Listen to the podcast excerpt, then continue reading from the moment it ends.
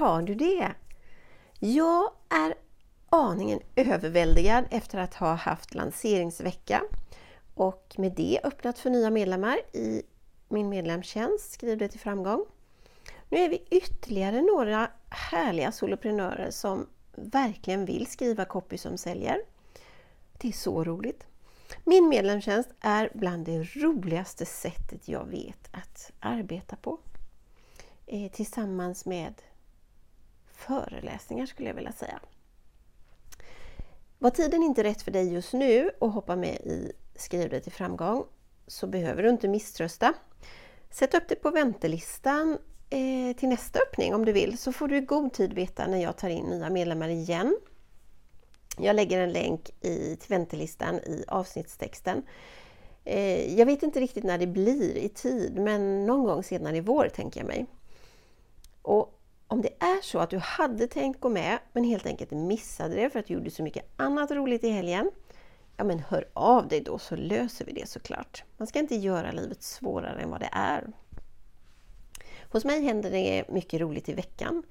Just idag välkomnar jag nya medlemmar i Skriv det till framgång och på onsdag har vi en workshop med temat Säljande content.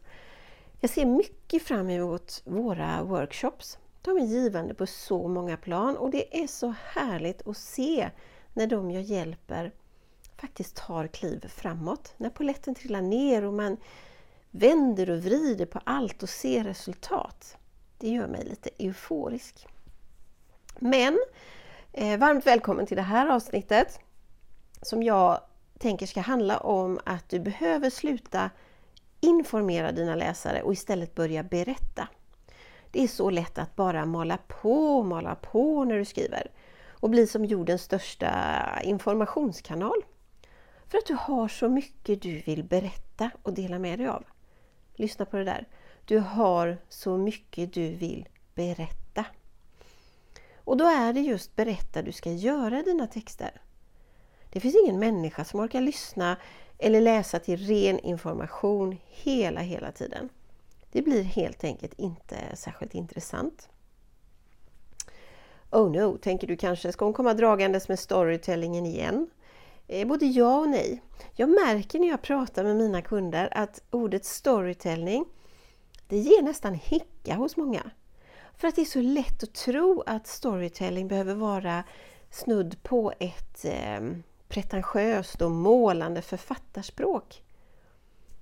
Men nej, att berätta med dina texter handlar inte om att du varje gång behöver skriva något åt det skönlitterära hållet. Men du behöver berätta. Och det finns flera anledningar till just det. Till varför du behöver berätta och inte bara informera. I alla fall om du skriver texter som du tänker ska sälja åt dig. För berättelser, de engagerar, de väcker känslor hos din målgrupp. Vilket i sin tur gör att du skapar en emotionell koppling till dina läsare. Och du bygger den där viktiga relationen du behöver ha med din målgrupp, som jag också tjatar ganska mycket om. Dina läsare kommer också lättare att komma ihåg det du skriver när du berättar. För när du berättar, då förstärker du helt enkelt minnesintrycket hos din målgrupp. Och ihågkommen, det, det vill du bli, det lovar jag dig. Att berätta kan också vara ett effektivt sätt för dig att differentiera dig från andra på marknaden. Informerar, det är det väldigt många som gör. Men berätta på ditt sätt, det är det faktiskt bara du som gör. Och när du berättar på ditt sätt, då blir du relaterbar för din läsare. De flesta av oss tycker om att spegla sig i andra, så att göra det relaterbar för din målgrupp är så mycket värt. Genom att berätta istället för att bara mata ut information så kommer du också vinna förtroende. Berättandet är ett effektivt sätt att eh, bygga upp förtroendefaktorn eller vad jag ska kalla den. Men vad är då skillnaden mellan att informera och berätta? Det är helt enkelt två olika sätt att kommunicera ditt budskap på. Och De har olika syften och olika effekt på mottagaren. Så här, om du lämnar fakta, data eller konkret information till din mottagare, då är det bra att just informera. Tänk på faktatexter, manualer och så vidare. Då vill man ha information, inget annat. När ditt syfte är att öka kunskapen hos din läsare, då vill du informera. Då kan du lägga tonvikt på tydliga detaljer och presentera på ett eh, logiskt och pedagogiskt vis från A till B och så vidare. Inte sällan har en sån text mer formell och kanske lite affärsmässig tonalitet. Det är sakligt liksom, punkt slut. Att berätta däremot, det syftar till att skapa en upplevelse för din målgrupp. Engagera och gärna genom att använda dig utav narrativ. En berättande text bygger en historia och då med din egen personliga röst. Tänk dig att du skulle skriva om en personlig erfarenhet som du har varit med om. Eller om du tänker att du ska berätta den för din bästa kompis. Av bara farten så blir den berättande. För att du lever dig in i den. För att illustrera skillnaden lite grann mellan att informera och berätta så ska jag ta ett exempel. Nu får vi låtsas lite. Om vi, om vi låtsas att mitt erbjudande är eh, en dykarklocka som jag vill sälja så skulle min informativa text kunna låta så här. Dykarklockan är vattentålig upp till 30 meter och har en batteritid på 10 timmar. Punkt. Du hör ju. Här informeras läsaren om fakta och ingenting mer. Om samma produkt skulle jag kunna berätta istället. Och Det skulle då kunna låta så här. I helgen var jag ute på mitt livs dykäventyr. Jag testade min nya klocka och för första gången dök jag nästan 30 meter under havsytan. Trots utmaningarna det innebär att dyka så djupt så vet jag nu att jag inte behöver oroa mig för batteritiden på min klocka. Den är från och med nu min mest pålitliga följeslagare. Du hör ju säkert skillnaden. När du informerar fokuserar du på att leverera fakta och detaljer. När du berättar skapar du en mer emotionell och minnesvärd eh, läsupplevelse. Båda fyller sin funktion, absolut. Men som soloprenör så behöver du marknadsföra dig. Och det som är unikt med dig och ditt erbjudande i alla texter du skriver, det är vad du behöver lyfta fram. Du behöver tilltala och attrahera och det gör du genom att just berätta. Att berättelser säljer beror till stor del på att vi människor vill ha emotionell koppling. Vi vill kunna relatera.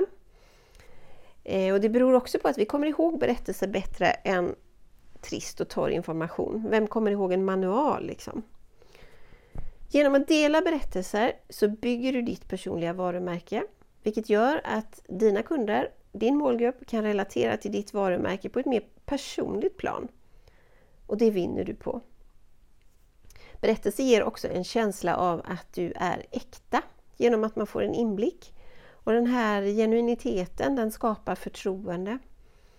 Om du dessutom då väljer att inkludera kundberättelser i dina texter, alltså exempel på hur din produkt eller tjänst används i verkligheten, så ger din berättelse en väldigt konkret och tydlig bild av värdet. Att berätta är någonting som jag tycker du ska utnyttja. I berättelsen finns ett otroligt kraftfullt verktyg för att skilja ut dig från mängden, för att differentiera dig. Det är ju bara du som kan berätta som du. Och det behöver du komma ihåg. Jag vet att jag sa det inledningsvis också, men du behöver komma ihåg det. Bara du kan berätta som du. Sen har berättelser också en ökad eh, delningspotential.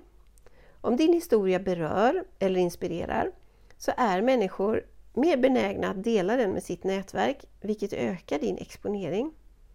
Just det här det har jag faktiskt privat erfarenhet av. Och Det var när jag och min yngsta dotter Hedvig delade hennes eh, svårighet att få ett sommarjobb på grund av hennes funktionsvariation. Vi delade då öppet och ärligt hur det faktiskt gick till då ingen av vår kommuns arbetsgivare ville anställa henne. Och det blev så extremt tydligt att vårt inlägg väckte känslor. Det skapade engagemang utan dess like och vårt inlägg delades så att det, det gick viralt med över 120 000 delningar. Och med spridningen som det gav, tack vare känslorna, så hörde arbetsgivare av sig från hela landet. TV hörde av sig, radio hörde av sig, tidningar, magasin och you name it. Alla hörde av sig och ville ha en intervju med Hedvig. För att vår text gjorde någonting med mottagaren. Den här kraften i berättelser den bygger på människors grundläggande behov av att förstå, av att relatera och av att känna. Det är ren psykologi. Att då inte använda berättelser som en del av din säljstrategi, det verkar dumt tycker jag. Beslut fattas oftast baserat på känslor och även det är psykologi. Så passa på att väcka känslor med dina texter. Det behöver inte vara stora, omvälvande och dramatiska känslor, men ändå känslor. Ett uns av nyfikenhet, det är också en känsla. Tänk på det lilla före det stora tycker jag. Så blir det inte så stor tröskel att komma över. Du ska få en utmaning av mig idag och väljer du att anta den så blir jag glad om du taggar mig antingen i inlägget jag snart ska be dig skriva. Jag finns på LinkedIn, Instagram och Facebook. Eller så taggar du mig i en story som illustrerar när du faktiskt sätter dig ner och skriver det här som jag ska be dig om. Så här. Titta på dina tre senaste inlägg med berättarglasögonen på. Berättar du eller informerar du i dina inlägg?